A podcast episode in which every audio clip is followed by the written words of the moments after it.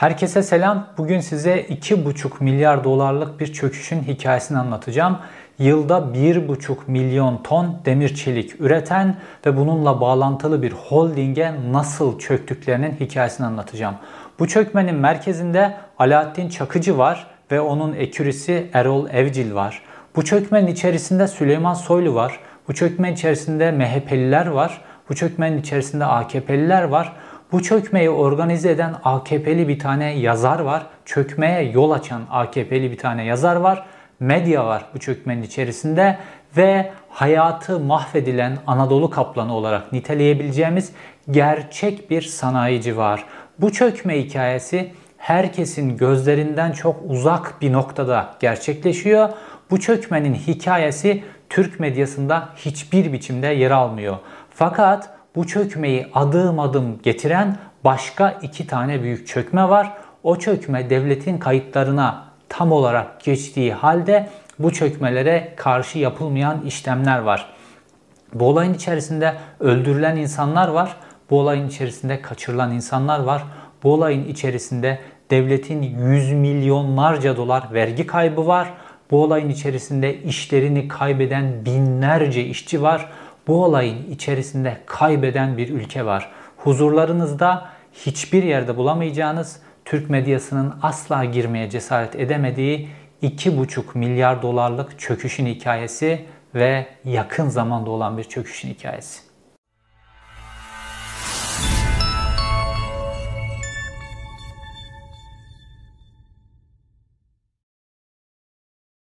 Alaaddin Çakıcı ve Erol Evcil. Bu ikisi 1980'lerde ama özellikle 90'larda Türkiye damgasını vuran ikili olarak geçti ve bunlar çok sayıda olayın içerisine girdiler. Alaaddin Çakıcı burada sokaktaki güç, Alaaddin Çakıcı devletin içerisindeki güç, devletle bağlantıları olan güç olarak ön plandaydı ve Alaaddin Çakıcı hapisteyken de ön plandaydı, yurt dışına kaçtığında da ön plandaydı. Şimdi ilerleyen yaşına rağmen Alaaddin Çakıcı yine gündemde. Fakat Erol Evcil özellikle 2000'li yıllardan itibaren kendisini giderek geri plana çekmeye başladı. Ve şu an baktığımızda piyasada Erol Evcil'in hiç ismi geçmiyor. Fakat Erol Evcil yine piyasanın en büyük çökme organizasyonlarını yapan bir kişi olarak sürekli olarak çalışıyor. Fakat medya, polis, istihbarat teşkilatı tamamen gözlerini kapatmış durumda ve bu olayları görmüyorlar. Bu videoda size 3 tane büyük çökme hikayesi anlatacağım ve 3 tanesi de Türkiye'nin en önemli demir çelik fabrikalarıyla ilgili. Son olay yani 2,5 milyar dolarlık çökme olayı Nursan Demir Çelik. Onun öncesinde Sivas Demir Çelik var ve onun öncesinde de Ege Demir Çelik var. Bunların hepsine Alaaddin Çakıcı ve Erol Evcil tarafından çöküldü ve bunların hepsinin iki tanesi zaten batık durumda şu anda ve Nursan'a da çöküp onu da nasıl batıracaklarının hikayesini de size anlatacağım. Şimdi adım adım bu noktaya geldiğimizde bütün bir propagandanın çökeceğini göreceksiniz. Çünkü Türkiye'de yapılan propaganda şu şekilde. Bu Alaaddin Çakıcı, Erol Evcil, onun gibi mafya liderleri bunların hepsi çok milliyetçi. Vatan millet bunların derdi. Başka bir şey yok. Ülkücüler bunlar, reisler vesaire. Ama olayın arka planında hem bu figürler hem de bu figürlerle işbirliği yapan polisler, istihbarat teşkilatı mensupları, bürokratlar, siyasetçiler, AKP'liler, MHP'liler bunların hepsinin tek motivasyon kaynağı para. Bu videonun sonunda bu ülkedeki gerçek milliyetçilerin başına neler geldiğini, gerçek vergi üreten sanayicilerin başına neler geldiğini ve onlara çöken isimlerin o Türkiye devi, demir çelik fabrikalarını nasıl yok ettiklerini ve ülkenin neler kaybettiğini net biçimde ortaya koyacağım size. Ama önce Nursan olayından yani son olaydan başlayalım. Demir çelik sektörünün Türkiye'de patladığı yıllar 1980'li yıllardı. 80'lerle 90 arası özellikle. Çünkü Turgut Özal başbakan olarak kafayı bir şeye takmıştı. Türkiye'de demir çelik sektörü gelişmezse otomotiv sektörü gelişmez ve Türkiye'de bir otomotiv fabrikalarının işte Honda gibi, Toyota gibi başka fabrikalarında Türkiye'ye gelebilmesi için bir demir çelik üretilen bir merkeze dönüştürmek istiyordu Turgut Özal ve inşaat sektörünün de buna bağlı gelişebilmesi için demir çeliğe çok önem veriyordu ve gerek devlet eliyle çeşitli demir çelik fabrikaları kuruldu gerekse de özel sektör desteklenerek onlara çeşitli destekler verilerek Türkiye Demir Çelik merkezi haline getirildi. Amerika'dan, Kanada'dan, Avrupa'dan, dünyanın çeşitli yerlerinden özellikle hurda demir çelik getiriliyor ve Türkiye'de işlenmiş mamul olarak çıkartılıyor. Hem ihraç ediliyor hem de Türk sanayisine sunuluyordu. İşte burada modernize edilen demir çelik fabrikalarından bir tanesi de İskenderun Demir Çelik Fabrikası'ydı. 1983 yılında İskenderun Demir Çelik'in Ruslardan kalma bütün o makine parkı çıkartılıp bir tarafa kondu ve bütün makineler yenilendi. Bu İskenderun Demir Çelik Fabrikası'ndan çıkan Rus yapımı eski makineleri iki tane esasen kömür işi yapan iki tane iş adamı satın alıyor. Ve bunlar kendilerine göre İskenderun'a yakın bir noktada Payas ilçesinde, Hatay'ın Payas ilçesinde bir demir çelik beldesinde daha doğrusu bir demir çelik fabrikası kuruyorlar. Ve bu demir çelik fabrikasının ismi de Nursan olarak e, konuluyor. Fakat bu iş adamları demir çelik işini bilmedikleri için yine Karabük'ten, Karabük ki Türkiye'nin en çok demir çelik üretilen merkezlerinden bir tanesidir. Karabük'ten İlyas Usta isminde İlyas Usta olarak nam salmış. Bu demir çevilik olayında her şeyi bu haddahane merkezi filan bunlarla ilgili her şeyi bilen İlyas Keleş isimli ustayı Karabük'ten getirip İskenderun'a yerleştiriyorlar payasa ve bu fabrikanın tamamen organizasyonu ve üretimiyle ilgili işe girişiyorlar. Ve 5000 ton pardon 5 ton günlük 5 ton üretim kapasitesi yapan bir fabrika kuruyorlar. Oldukça mütevazi bir fabrika. Demir çelik sektöründe 5 ton mütevazi bir rakam. Fakat İlyas Usta çalışıyor ve bütün o bölgedeki demir çelik sektörüne dikkatini çekiyor. Sonra bu iki patron İlyas Usta'yı ellerinden kaçırmamak için İlyas Keleş'e bedelsiz olarak belli bir ortaklık payı veriyorlar ve elinde tutuyorlar. Daha sonra bu demir çelik işini geliştirmek, büyütmek bunlar yıllara sari işler olduğu için bu iki patron daha sonra kendi hisselerini de İlyas ustaya belli bir vadede ödenmek koşuluyla satıp bu işten çekiliyorlar ve İlyas Keleş bu fabrikayı giderek büyütüyor ve özellikle Amerika'dan hurda demir çelik getirilmesiyle ilgili anlaşmalarla da birlikte Nursan Demir Çelik AŞ 30 yıl içerisinde günlük 5 tondan günlük 5000 ton üretim kapasitesine ulaşan bir fabrika haline geliyor ve Nursan yıllık 1,5 milyon ton demir çelik üreterek Türkiye'nin en büyük yüz sanayi kuruluşunun içerisine giriyor. Aynı zamanda da İhracatçılar Meclisi'ne göre Türkiye'nin en büyük 100 ihracatçısı arasına giriyor. İlyas Keleş fabrikası büyüyor. Fabrikasının yanına bir tane hastane açıyor. Fabrikasının daha da gelişmesi için bir liman yatırım içerisine giriyor. Ve sonra da Orta Doğu'nun en büyük Nursan Hospital denen hastanesini kurmak için, en modern hastanesi kurmak için yatırımlar içerisine giriyor. Çeşitli başka yatırımlarla 2,5 milyar dolarlık bir grup haline geliyor. Nursan grubu. İşte bu noktada işleri karıştıran şey e, İlyas Usta'nın işleri yavaş yavaş iki tane çocuğuna devretmeye başlaması ve kendisinin limanla hastane işine yönlenmesi oluyor. İşte bu noktada İlyas Usta'nın iki tane çocuğu var. Ramazan Keleş ve Sabri Keleş. Bunlardan bir tanesi satın alma, Diğeri de fabrikanın e, ürettiği mamullerin satışıyla ilgili işler gerçekleştiriyorlar.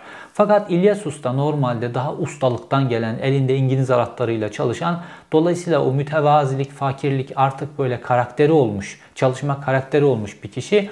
O kadar milyar dolarlık bir adam olmasına rağmen bir, bir aracın arka koltuğunda oturmaktan böyle utanıyor. Arabasını kendi kullanıyor. Sürekli çalışan böyle mütevazi hastaneler, sağlık ocakları, okullar yaptırıp devlete bağışlamış filan çevresinde sayılan ve İlyas Usta'nın işçileri de yani Nursa'nın işçileri de çevredeki diğer demir çelik sektöründeki işçilerden daha çok maaş alan, durumları daha iyi fakat istikrarlı üretim yapabilen bir firma durumunda. İlyas Usta işleri çocuklarına devrettikten sonra işte bu Nursan Hospital, Hospital'ı e, tamamen çok modern bir hale getirmek için 60 milyon dolarlık bir yatırım yapıyor ya. Tamamen Siemens'ten, General Electric'ten, böyle hastane araç gereçleri böyle çok yüksek teknoloji ürünü araç gerekler makineler getiriliyor hastaneye. Bunların hepsi şu anda kutularında çürümeye terk edilmiş vaziyette. Ve ayrıca Nursan Demir Çeliği daha da geliştirebilmek için Nursan'a özel bir liman inşaatına girişiyor ve 500 dönüm tam denize sıfır 500 dönüm bir arsası var ki değeri 500 milyon dolar. Bu arsa için bir dere ıslahı yapılıyor ve limanın inşaatı yavaş yavaş devam ediyor. Fakat iki oğlunun etrafını çakallar yavaş yavaş sarmaya başlıyor. İşte çöküşün hikayesi tam bu noktada gerçekleşiyor. İki kardeşin Süleyman Günaydın ve Ali Yeşilyurt isimli iki tane arkadaşları var. Bunlar aynı zamanda demir tüccarı. Bu fabrikadan üretilen demirlerden bir kısmını satın alarak piyasaya işte e, başka firmalara, Türkiye'nin çeşitli yerlerindeki firmalara satıyorlar. İşte bina yapmak isteyen büyük müteahhitlere vesaire böyle Türkiye'nin en büyük aklınıza gelen o müteahhitlerine pazarlıyorlar vesaire. Bu şekilde işler yapıyorlar. Bu Süleyman Günaydın ve Ali Yeşilyurt. Ve bunlar yavaş yavaş bu iki kardeşin toyluğundan da faydalanarak bu iki kardeşi tamamen kıskaç içerisine alıyorlar. Ve işte eğlence dünyası, alemler filan, Hatay, Adana hattında alemler filan bu iki kardeşi tamamen kıskaç içerisine alıyorlar. Ve piyasanın çok altında fiyat alarak bu iki kardeşten demiri alarak piyasada adeta bir kartel oluşturuyorlar. Ve normalde İlyas Keleş küçük tüccarlara da demir vererek piyasadaki o küçük tüccarların da yaşamasını sağlarken bu iki kardeş sadece bu iki isme mal vererek, onlara demir çelik vererek bu iki ismin Payas etrafında kartel haline gelmesini sağlıyorlar ve bunlar inanılmaz derecede zenginleşiyorlar. Fakat bu zenginlik özellikle Süleyman Günaydın'a yetmiyor ve daha da bu zenginliği büyütebilmek için çeşitli böyle baskı mekanizmaları, başka yöntemler, ondan sonra imza attırmalar filanla olayı birazcık yolsuzluk boyutuna taşıyor. Olay bu yolsuzluk boyutuna, açgözlük noktası bu yolsuzluk boyutuna taşınınca olay patlak veriyor. İşte bu patlak verilen noktada İlyas Usta, İlyas Keleş yeniden işin başına dönüyor ve bütün bu olayı araştırıyor ve piyasaya bunların normalin çok altında bir miktarda demir verildiğini keşfediyor ve bu iki ismin e, fabrikaya girişini yasaklıyor, onlara mal satışını yasaklıyor, iki oğlunun yetkilerini de kısıtlıyor ve kendisi fabrikada yeniden ipleri ele alıyor karlılığı arttırabilmek için ve fabrikanın karlılığı hızla artmaya başlıyor. Fakat Süleyman Günaydın ve ekürisi bunlar yüksek kâra alışmış durumdalar ve dolayısıyla da kendilerine yapılan bu ambargoyu e, geri çevirmek, püskürtmek ve bunu yaptıklarına pişman etmek için İlyas Keleş'i devrin siyasi ikliminden faydalanmaya ve bu yöntemle İlyas Keleş'in komple batışına gidecek bir yöntemi devreye sokuyorlar. Süleyman Günaydın Sabah gazetesinin Adana temsilcisi Ersin Ramoğlu ile kanka ki Sabah gazetesinin Adana bürosu aynı zamanda da Hatay bölgesinden de sorumlu. Ve Ersin Ramoğlu başlıyor önce isim vermeden. Nursan AŞ ve İlyas Keleş'le ilgili negatif yazılar yazmaya. Nasıl yazılar bunlar? Devrin siyasi iklimine uygun yazılar. Önce diyorlar ki Hatay'da, Payas'ta bir fabrika var ve bu fabrika piyasada çok fazla naylon fatura üretiyor. Bu naylon faturalar nedeniyle devletin yüz binlerce lira, milyonlarca lira vergi kaybı var. Neden buna dur denilmiyor. Önce bu şekilde şantaj haberleri yapılmaya başlanıyor. Bu şantaj haberlerini kimin yaptırdığını, nasıl olduğunu İlyas Keleş de anlıyor. Fakat kendisi devasa bir sanayici, işleri tıkırında, ondan sonra bir vergi kaçırmıyor, defterleri sağlam filan umursamıyor. Fakat Ersin Ramoğlu üzerinden Süleyman Günaydın dozu arttırmaya başlıyor. Sonra devrin siyasi iklimine daha uygun bir anahtar keşfediyorlar. O da ne? Fethullah Gülen cemaatiyle bu adamın bir bağlantısı var. Nasıl bağlantısı var? İşte İlyas Keleş çok yüksek miktarda vergi kaçırıyor, naylon fatura düzenliyor. Fakat bu cemaatçi bürokratlar, vergi denetmenleri vesaire bunlar buna göz yumuyorlar. Çünkü bunlar işbirliği halinde. Bu sefer böyle yazılar başlıyor. Bu yazıların dozu giderek artıyor, giderek artıyor ve artık açıktan isim vererek Nursan AŞ ve İlyas Keleş'i doğrudan vergi kaçırmak ve Gülen grubuyla irtibatlı olmakla açıkça suçlamaya başlıyorlar. Sabah gazetesinde böyle yazılar yazılmaya başlıyor. Şimdi Sabah gazetesi gibi Tayyip Erdoğan'ın doğrudan damadının kardeşi tarafından yürütülen aslında Sabah gazetesi Tayyip Erdoğan'ın. Bunu herkes biliyor. Resmen Tayyip Erdoğan'ın aslında başka birinin üstüne gözüküyor. Bunu herkes biliyor Türkiye'de. Bütün bürokrasi biliyor. Dolayısıyla Sabah gazetesinin Adana temsilcisinin böyle yazılar yazmasına karşı bürokrasi korkuyor, kayıtsız kalamıyor ve vergi görevlileri gönderilmeye başlıyor. İşte orası 4 yol vergi dairesine bağlı. Önce 4 yol vergi dairesinden bir vergi denetmen ekibi gönderiliyor. Vergi denetmen ekibi Nursan AŞ'yi komple denetliyorlar. Hiçbir şey bulamıyorlar. Bunun üzerine bulamadıklarına ilişkin bir rapor düzenliyorlar. Bu rapor gelince Süleyman Günaydın ve Ersin e, Ramoğlu iyice kızıyorlar ve daha açıkça bu sefer valiyi, valiyi vergi kaçıran ve cemaatle ilişkili olan bir adamı korumakla ilgili vali ve belediye başkanını ve daha doğrusu vali ve emniyet müdürünü hedef alan yazılar yazmaya başlıyorlar. Böyle olunca vali de paniğe kapılıyor ve vali bu sefer il defterdallığına bir emir veriyor ve yeni bir ekip gönderiliyor. Bu ekip 10 kişiden oluşuyor ve bu ekip Nursan AŞ'nin hem giriş tarafına yani hurda demirlerin geldiği tarafa hem de üretilen demirlerin çıkış tarafına iki tane kamp kuruyor. Giren çıkan demirler, defterler her şey denetleniyor. Ve bütün bu denetimin sonucunda yine hiçbir şey bulunamadığına ilişkin bir rapor geliyor. Fakat Sabah gazetesinin bu tetikçi yazıları devam ediyor ve devam ediyor. Ondan sonra Ankara'dan bir ekip gönderiliyor artık. Çünkü artık Maliye Bakanlığı'na ilişkinde ihbarlar geliyor. Ve Ankara'dan ekip geldiğinde Ankara'dan ekip defterleri inceliyor. Defterlerde hiçbir şey yok. Giriş çıkış her şey kayıt altında ve Ankara'dan gelen ekip biz bir şey bulamadık diye Ankara'ya geri dönüyor. Fakat çok kısa süre sonra aniden bir ceza ortaya çıkıyor ve 400 milyon TL'nin üzerinde bir ceza çıkartılıyor Nursen AŞ'ye. Cezanın gerekçesi ne? Normalde Sabah gazetesinin yayınlarında naylon fatura.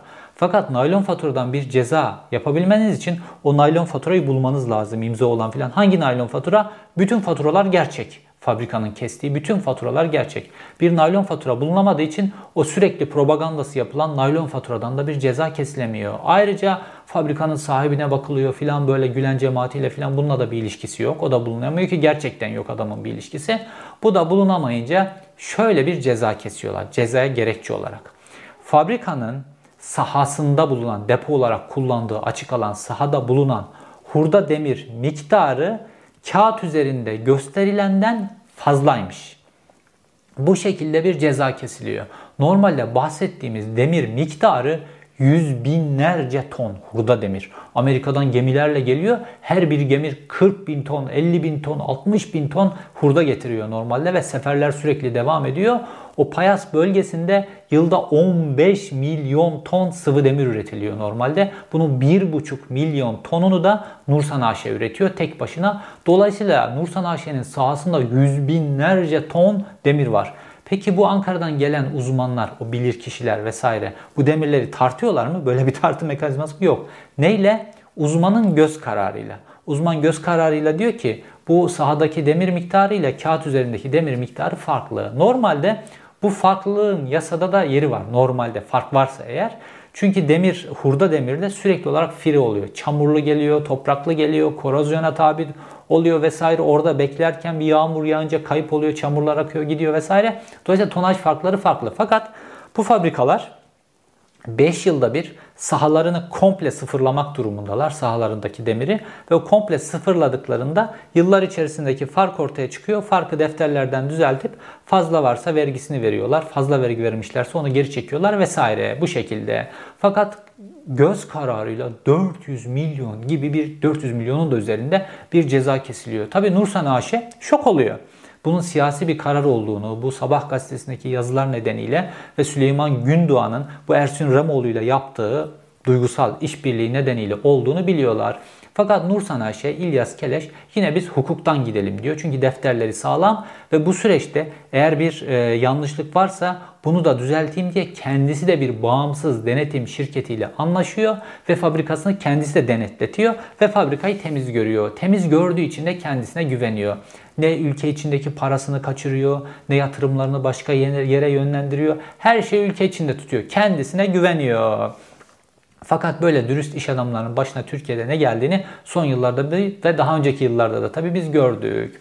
Bu cezadan sonra enteresan bir hadise gerçekleşiyor. Bu enteresan hadise de şu 15 Temmuz. 15 Temmuz gerçekleşince o 15 Temmuz sürecinde biliyorsunuz 15 Temmuz sürecine giderken ve sonraki zamanda hükümet ekonomiyi toparlayabilmek için sürekli aslında o yıllarda çıkartılıyordu ya bir vergi barışı daha çıkartıyor.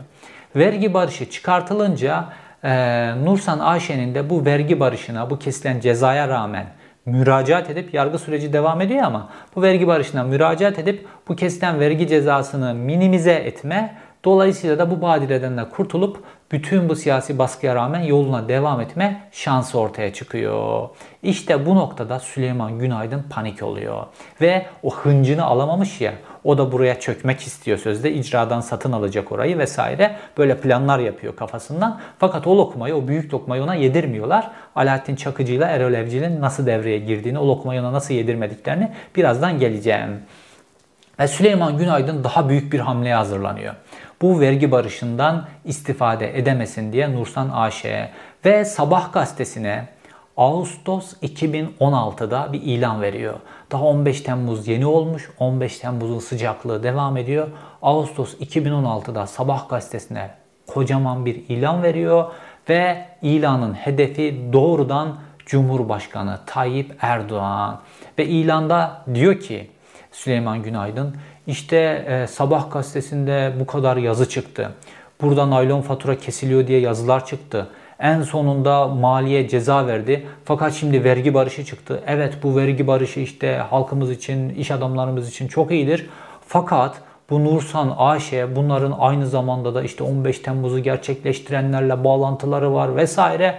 Uzunca da bir 15 Temmuz şehitler vesaire bunların hamasetinin de yapıldığı o yazıda en sonunda deniyor ki ne olur bu Nursan AŞ'yi sadece bu Nursan AŞ'yi bu vergi barışından muaf tutun diye bunu vergi barışının içerisine müracaat etmesine izin vermeyin diye hedef gösteren ismen, cismen hedef gösteren bir ilan veriyor.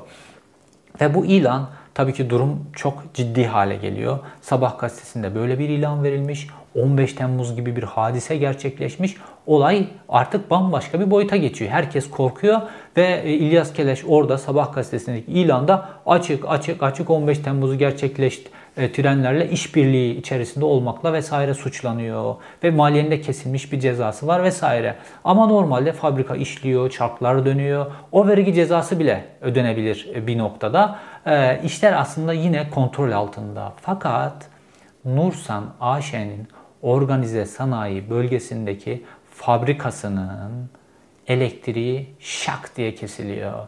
Elektrik kesilince artık yapacak hiçbir şey kalmıyor. Üretim yok.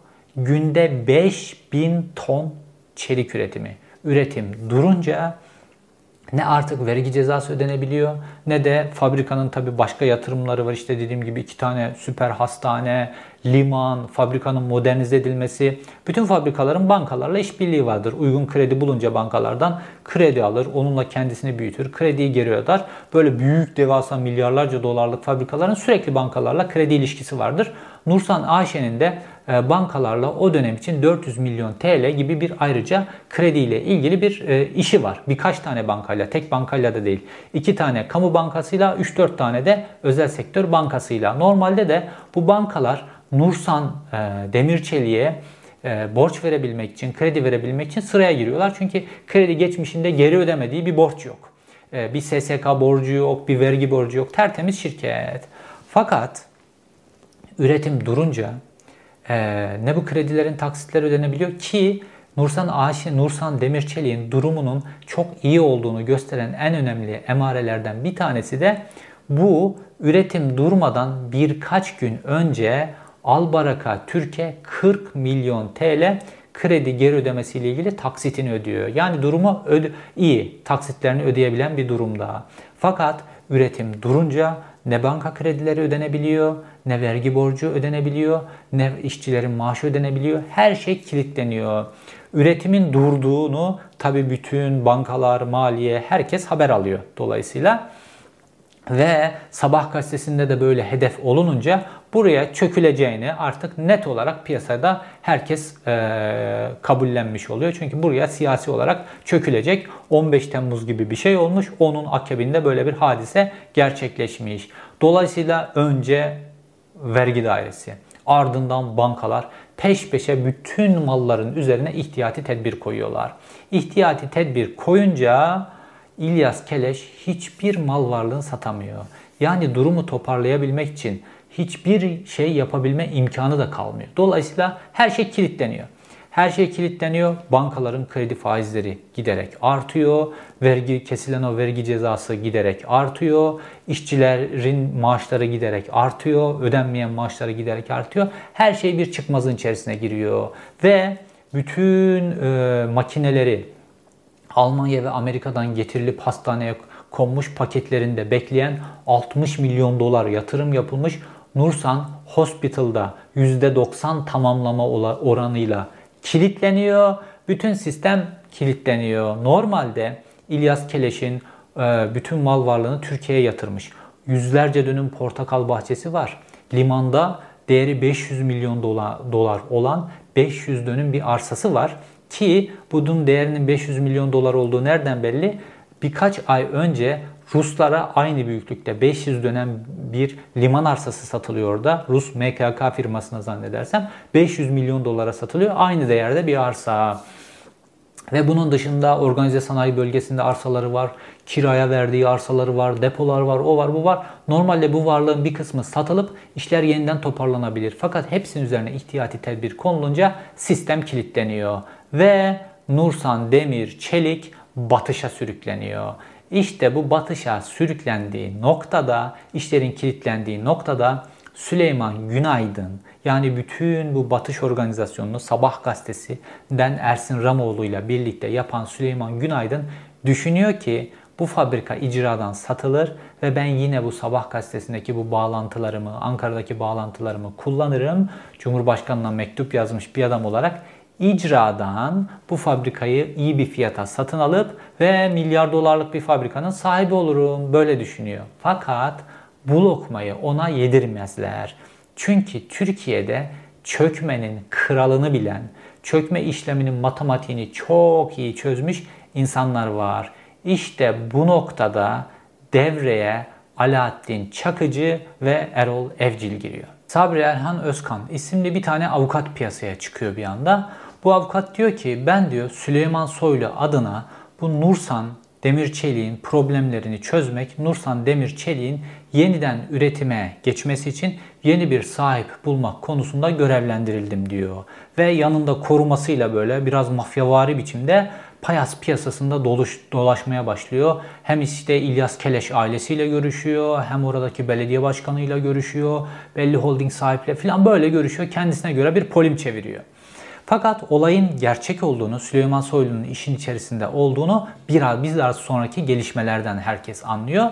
Çünkü o sırada e, böylesine büyük bir fabrika durum batık vaziyette ve Kibar Holding diye yine o bölgede bilinen saygın holdinglerden bir tanesi Nursan e, grubuna talip oluyor.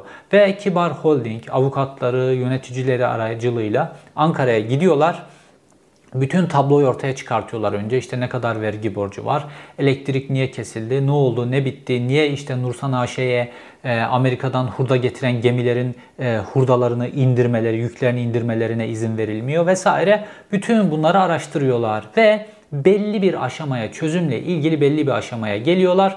Belli bir rakama yaklaşıyorlar Ankara'daki görüşmelerinde ve bu Nursan'ı tamamen satın almakla ilgili Kibar Holding bir noktaya geliyor. Ve bölge halkı da e, İlyas Usta'dan sonra Kibar Holding gibi böyle saygın bir holdingin Nursan'ı satın alması ve bu 2,5 milyar dolarlık bu gemiyi yeniden yüzdürmesiyle ilgili umuda kapılıyor. Fakat aniden Kibar Holding masadan şak diye kalkıyor. Ankara'daki bütün işlemleri durduruyorlar ve normalde Payas'ta Kibar Holding Nursan'ı satın aldı diye konuşulurken bütün bu işler bitiyor ve Kibar Holding piyasaya biz artık bu işte yokuz diyor. İşte o noktada bu meşhur avukat, bir anda ortaya çıkan avukat piyasaya tekrar çıkıyor ve diyor ki evet diyor biz Süleyman Soylu'yu devreye soktuk. Süleyman Soylu bu işi engelledi. Kibar Holding almayacak bizim istediğimiz adam alacak diyor. İşte bu istedikleri adamın kim olduğu da kısa sürede ortaya çıkıyor. İstedikleri adam Erol Evcil ve Erol Evcil bir anda Payas piyasasında görülmeye başlıyor ve kendisine ultra lüks orada bir rezidans tutuluyor ve Payas'ta koruma ordusu eşliğinde Payas'a İskenderun bölgesine yerleşiyor Erol Evcil. Fakat bu sırada yine de başka talipli bir iş adamı var. Ve bu başka talipli iş adamı da bu avukatla e, temasa geçiyor ve avukat diyor ki burası diyor Alaaddin Çakıcı'nın diyor esas olarak diyor. Alabiliyorsan ondan al diyor. Ve bu iş adamı da bir umut. Çünkü çok büyük bir lokma orası Nursan. Herkesin iştahını kabartan bu nokta. Ve bu iş adamı Alaaddin Çakıcı'nın bulunduğu şu meşhur Sedat Peker videolarında da geçiyor ya Bodrum, Yalıkavak, Palmarin orada bir otel var, marina var orada. Oraya gidiyor ve Alaaddin Çakıcı'nın işte o meşhur Mehmet Ağar'la, Korkut Eken'le filan beraber poz verdiği bir yer var ya işte o meşhur. İşte bütün derin devletin filan artık ne kadar derinse onun gözüktüğü pozisyon e, orada bir general de var e, fotoğrafın içerisinde. Orada e, Alaaddin Çakıcı'yı ziyaret ediyor. Yemekler yeniyor iş adamıyla birlikte filan. İş adamı konuyu açıyor. İşte biz bir Nur, Nur sana talibiz vesaire. Alaaddin Çakıcı diyor ki ve bu iş adamı da sözde kendini kuvvetlendirebilmek için Cumhurbaşkanlığı İletişim Başkanlığında tanıdıkları var. O Cumhurbaşkanlığı İletişim Başkanlığındaki tanıdıklarıyla birlikte Alaaddin Çakıcı'yı Bodrum Palmari, Bodrum Yalıkavak Palmarin Otel'de ziyaret ediyor. Düşünün Cumhurbaşkanlığı İletişim Başkanlığından insanlar ve bir iş adamı Alaaddin Çakıcı gibi yeraltı dünyasına mafya lideri olmaktan, cinayetlerden hüküm giymiş, cezaevinde 27 yıl kalmış adamı ziyaret edip şu an devletin resmen ihtiyati tedbir koyduğu bir fabrikayı almak için ondan ricacı oluyorlar. Ülkenin nasıl bir mafya devletine döndüğünü görebiliyor musunuz burada? Ve Alaaddin Çakıcı yemek yendikten sonra Cumhurbaşkanlığı İletişim Başkanlığındaki elemanların ve o iş adamların sırtlarını sıvazlıyor. Diyor ki Erol Evcil'in bana borcu var diyor. Erol Evcil'e bu fabrikayı vereceğim. Erol Evcil burayı çalıştıracak. Bana olan borcunu ödeyecek. Şimdi Erol Evcil'in Alaaddin Çakıcı'ya ne borçları olduğu, bunun için ne adamların ortadan kaybolduğu, ne iş adamlarının yok edildiği, vücudu gövdesinden ayrılmış olarak bulunduğu filan. Bunlar birazdan diğer o iki demir çelik fabrikası ile ilgili çökme hikayesini anlatacağım. Onlar da acayip ilginç hikayeler. Onlara da geleceğim birazdan. Fakat Alaaddin Çakıcı bu iş adamını gönderdikten sonra o iş adamının da piyasaya yaydığı bilgilerde Alaaddin Çakıcı buraya çökmüş. Bu artık payas piyasasında tamamen yayılıyor. Ve ondan sonra herkes elini eteğini Nursan'dan çekiyor. Ondan sonra Erol Evcil adamlarıyla geliyor. Ve İlyas Keleş'in Keleş'in karşısına oturuyorlar. İlyas Keleş'in karşısına oturduktan sonra Erol Evcil diyor ki bu işte fabrika artık kilitlenmiş, mallar kilitlenmiş vesaire. Biz bir anlaşma yapalım diyor. Bu anlaşma daha önceki o çöküşlerden biraz farklı bir anlaşma. Orada göreceksiniz. Diyor ki biz bu fabrikayı devralmıyoruz. Zaten üzerinde ihtiyati tedbirler var, o var, bu var. Bu iş karışık. Devletten bu çözülür ama uzun hikaye olur. Biz fabrikayı senden kiralayalım diyor. Ondan sonra fabrikayı da kiralıyorlar, o, hastaneyi de kiralıyorlar, Nursan Hospital vesaire. Sözde bir Hollandalı ortak var ama hiç ortak gözükmüyor. Sırf piyasaya yatıştırmak için uydurulmuş şeyler. Ve fabrikayı kiralıyorlar. Alaaddin Çakıcı'nın kardeşinin, daha doğrusu Alaaddin Çakıcı'nın yeğeninin üzerine kurulmuş ABA diye yeni bir şirket kuruluyor ve bu şirket fabrikayı Nursan Demir Çeliği kiralıyor. Ve kiraladıktan sonra gizemli avukatımız Sabri Erhan Özkan e, Payas Organize Sanayi Bölgesi'ne bir ziyarette bulunuyor. Ve diyor ki bu fabrikanın elektriğini açacaksınız diyor. Şimdi normalde işte maliye tedbir koymuş, şirketin yönetimi kilitlenmiş vaziyette. Bu arada elektrik borçları birikmiş filan açılması mümkün değil normalde. Ve ma orada organize sanayi bölgesinin avukatı da buna itiraz ediyor. Ve avukatı odasında dövüyorlar. Kendi odasında dövüyorlar ve ondan sonra fabrikanın elektriği şak diye açılıyor.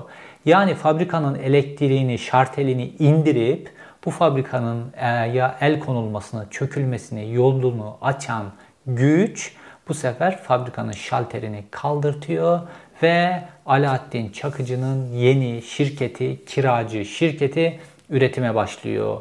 Ve günde Normalde 5000 ton üretilen fabrikada işte piyasadan hurda bulamadıkları için, insanlar şüpheye düştükleri için vesaire günlük 3000 ton kapasiteyle üretim yapılmaya başlıyor. Şimdi günlük 3000 ton e, demir çelik üretiyorsanız bunun KDV'si günde 6,5 milyon TL filan yapıyor.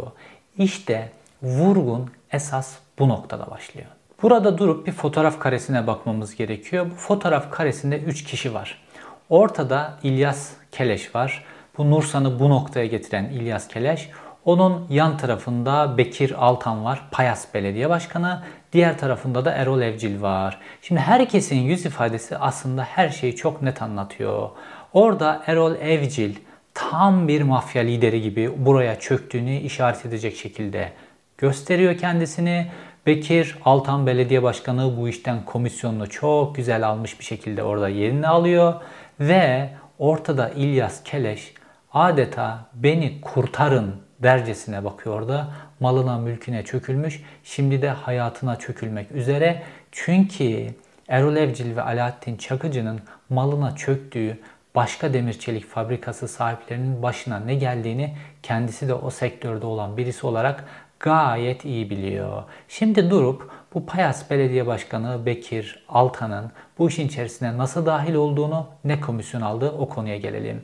Şimdi normalde bu Bekir Altan Erol Evcil'le de Alaaddin Çakıcı'yla da çok iyi geçinebilecek biri. Çünkü kendisi normalde MHP'li ve 25 yıldır Payas Belediye Başkanı ve hep MHP'den belediye başkanı seçilmişti. Fakat son 2 yılda Adalet ve Kalkınma Partisi'ne geçti ve Adalet Kalkınma Partisi'nden aday olup Adalet ve Kalkınma Partisi'nden belediye başkanlığını kazandı. Neden?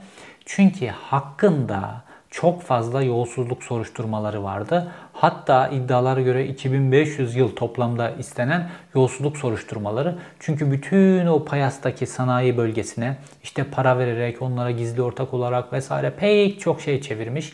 Sanayi bölgesi olduğu için orası çok fazla. Çok fazla orada rant var. Dediğim gibi yıllık 15 milyon ton sıvı demir çelik üretiliyor o Payas bölgesinde hep İstanbul'a vesaire İzmit'e oralara odaklanıyoruz ama Türkiye'nin ta Hatay'da orada da çok büyük bir sanayisi var. Oradan da vergiler üretiliyor.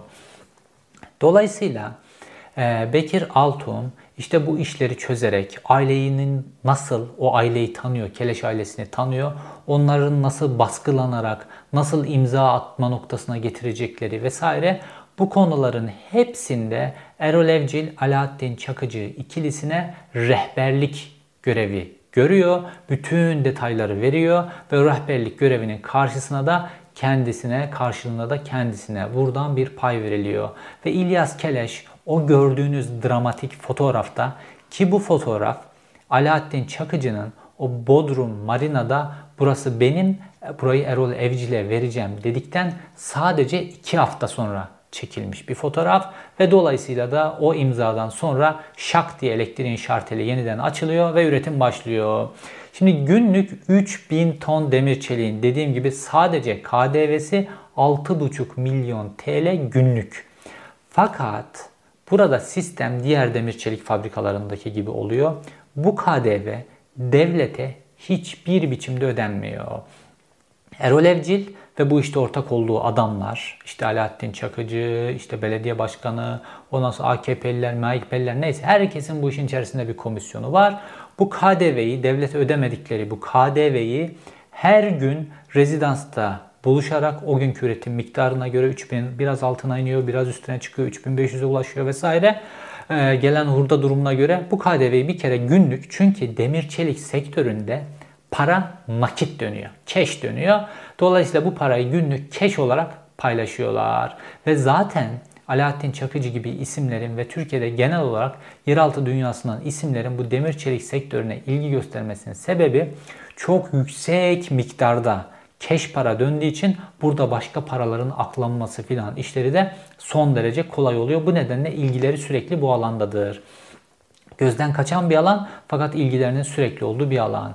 Bunun dışında devlete SGK prim borcu, devlete ödemeleri gereken normal resmi gösterdikleri o küçük satışlardan ödemeleri gereken vergi borcu bunların hiçbirisi ödenmiyor. Bunların hepsi birikiyor. Ayrıca burada kiracı olduğu için, kiracı gösterdikleri için kendisini normalde Nursa'nın bankaları olan borcu, vergi dairesinde olan borcu filan bunların hiçbirisiyle de ilgilenmiyorlar. Onlarla ilgili bir kuruş ödenmiyor. Ayrıca İbrahim Keleş'in kendisine de bu kiralama bedeliyle ilgili bir kuruş para ödenmiyor. Çünkü ona bir para ödense bu para işte borçları nedeniyle bankalar tarafından, vergi dairesi tarafından kesilecek. Borçları biraz azalacak. Fakat bununla ilgili de hiçbir para ödenmiyor. Kaldı ki bu fabrikayı uzmanların tespitine göre böyle bir fabrikayı arsası hariç fabrikayı sadece kurmak durumunda kalsanız 1 milyar dolara yakın bir para harcamanız gerekiyor. Arsasıyla birlikte 1,5 milyar dolarlık bir yatırım var orada ve buna işte fabrikanın üretim kapasitesi o bu filan da katıldığında 2 milyar 2 milyarın üzerine çıkan bir büyüklük söz konusu. Böyle bir yeri kiralıyorsanız çok yüksek para vermeniz lazım. Fakat bununla ilgili hiçbir kiralama bedeli ödenmiyor. Tamamen oraya çökmüş durumdalar ve İlyas Keleş de işte daha önce Sabah gazetesinden Ankara'dan başına getirilenleri gördüğü için kime gidip sığınacak? Ortada bir devlet mi var? Bunlara karşı, bu adamlara karşı gidip kime sığınacak? Ortada bir devlet yok. İşte o fotoğraf karesinde ortadaki esir gibi yer alıyor. Ve şu an bir SSK parası ödenmeden, vergiler ödenmeden, günlük KDV ödenmeden filan oradan darphane gibi para basılıyor. Peki bunun sonucunda ne olacak? Bu darphane gibi para buradan basılıyor. Fakat bunun sonucunda ne olacak? Olacak olan şey şu. Buranın normal depolarındaki bütün demir çelik harcanacak. Ondan sonra piyasayla vadeli olarak hurda alıyorlar piyasadan sürekli. iç piyasadan hurda çekiyorlar vadeli. Burada borçlar sürekli birikiyor, sürekli birikiyor, sürekli birikiyor. Ve Türkiye'nin çeşitli yerlerindeki insanlar da Nursan'a gönderiyoruz filan. Nursan'ın bir marka değeri filan var ya. Nursan'a gönderiyoruz. Hep alacaklarını almışlar nasıl olsa gönderiyorlar sürekli. Piyasaya borç sürekli olarak birikiyor. Sürekli birikiyor. Devlet dairelerine borç birikiyor. Vergi dairesine borç birikiyor. SGK'ya borç birikiyor vesaire. Bu borçlar da birikiyor birikiyor. Bu borçlar bir gün daha olacak. Ve devlet bir gün gelip fabrikaya mecburen el koymak zorunda kalacak. 5 yıl sonra 10 yıl sonra duruma göre. O gün geldiğinde ABA ben kiracıyım deyip gidecek. Zaten içi boşaltılmış bir şirket olacak. İçini sürekli boşaltacaklar. KDV vermedikleri KDV zaten illegal para. Piyasaya açıktan demiri satıyorlar. Dolayısıyla devlet ve bütün piyasadaki alacaklılar karşılarında içi boş bir ABA diye bir şirket bulacaklar. Nursa'nın zaten bütün malı, mülkü daha önceki borçlar nedeniyle devlet ve bankalar tarafından haciz altında. Onlar maliye tabi vergi dairesi öncelikli alacaklı olduğu için vergi dairesi oradan e, alacağını alacak. Zaten Nursa'nın borçları ile ilgili. Fakat ABA döneminde oluşan piyasadan alacaklar, devletin alacakları filan bunların hepsine bütün piyasa ve devlet üzerine soğuk su içmek zorunda kalacak. İşçilerin aylardır ödenmeyen maaşları, işçiler bunun üzerine soğuk su içmek zorunda kalacaklar. Ve Türkiye 100 milyonlarca lira vergi kaybına uğrayacak. Dediğim gibi Nursan Türkiye'nin ilk 100 sanayi kuruluşu içerisine ve Türkiye'nin ilk 100 ihracatçı kuruluşu içerisine giren bir dev. Ailenin mütevazi olması, sosyete sayfalarında gözükmemesi filan nedeniyle bilinmiyor ama Anadolu'da böyle çok fazla dev var ve bu organizasyon bir organizasyon. Bu organizasyon gibi Anadolu'daki pek çok devin üzerine de bu şekilde çökme organizasyonları gerçekleştiriyor. Fakat Nursan'da olayı tamamen köşeye sıkıştırdılar ve Erol Evcil biri e, asker, emekli asker yüzbaşı, diğerleri emekli asker e, assubaylardan oluşan onların yönettiği 25 kişilik bir koruma ordusuyla Range Rover'lardan Range Rover'lara binen koruma ordusuyla şu an Payas piyasasına çökmüş vaziyette. Koruma ordusuyla sağa gidiyor, koruma ordusuyla sola gidiyor. Arkasında Alaaddin Çakıcı'nın olduğunu herkes biliyor.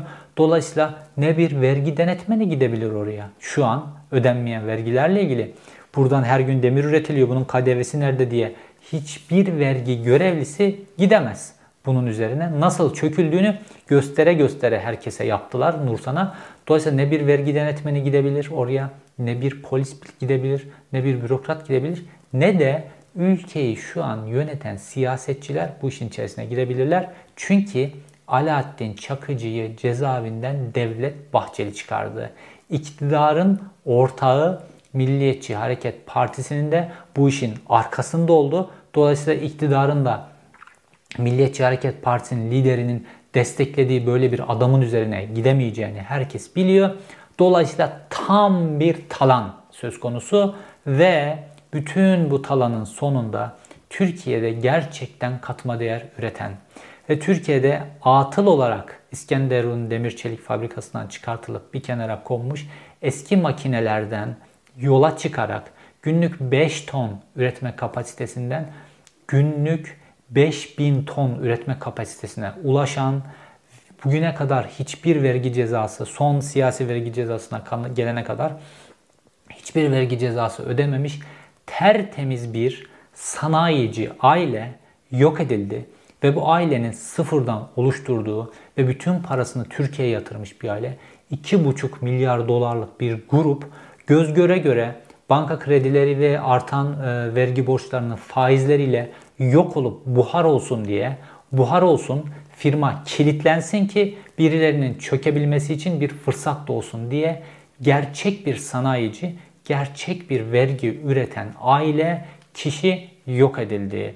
İşte gerçek vatansever İlyas Keleş ve onun gibi sanayicilerdir. Vergisini üreten, veren ve sıfırdan milyar dolarlık gruplar haline gelen kişilerdir. Ve ihracat üreten kişilerdir. Fakat piyasada çok milliyetçi, çok vatansever gibi dolaşan Erol Evcililer, Alaaddin Çakıcılar, sürekli üç ilaller sağlarında, sollarında, batak, bayrak, vatan, millet dillerinde filan bunlarsa bu ülkenin gerçekten vergi üreten insanlarını bu şekilde yok ediyorlar ve bir vatana ihanetten söz edeceksek hangisinin vatana ihanet olduğu da son derece net biçimde ortada. Bu 2,5 milyar dolarlık çökmenin içerisinde Süleyman Soylu var, Alaaddin Çakıcı var, Erol Evcil var, AKP iktidarı var, MHP iktidarı var. Bu işin içerisinde Sabah gazetesinden Ersin Ramoğlu var, medya var bu işin içerisinde. Buna göz yuman yerel yöneticiler, hakimler, savcılar, polis, herkes var. Fakat bunun devamı da var. Normalde bunun öncesinde yani burada tekrar eden bir film görüyoruz. Fakat bunun öncesinde Ege Metal'e ve Sivas Demirçelik AŞ'ye de Alaaddin Çakıcı Erol Evcil ikilisi tarafından benzer biçimde çöküldü. Fakat orada daha heyecanlı bir hikaye var. Orada işte insan kaçırma var, cinayetler var. O işin içerisinde Alaaddin Çakıcı'nın enteresan tapeleri var filan. Çünkü Alaaddin Çakıcı'nın çok kuvvetli olduğu yıllarda o yıllar. Bunların hepsi var. Şimdi bu kısım böylece kalsın. Şimdi gelelim ikinci kısımda ve bu ikinci kısımda Türkiye'nin adım adım bu noktaya nasıl geldiği, dürüst bürokratların direnmesine rağmen iktidarın göz yummasıyla nasıl geldiğine ilişkin detaylara.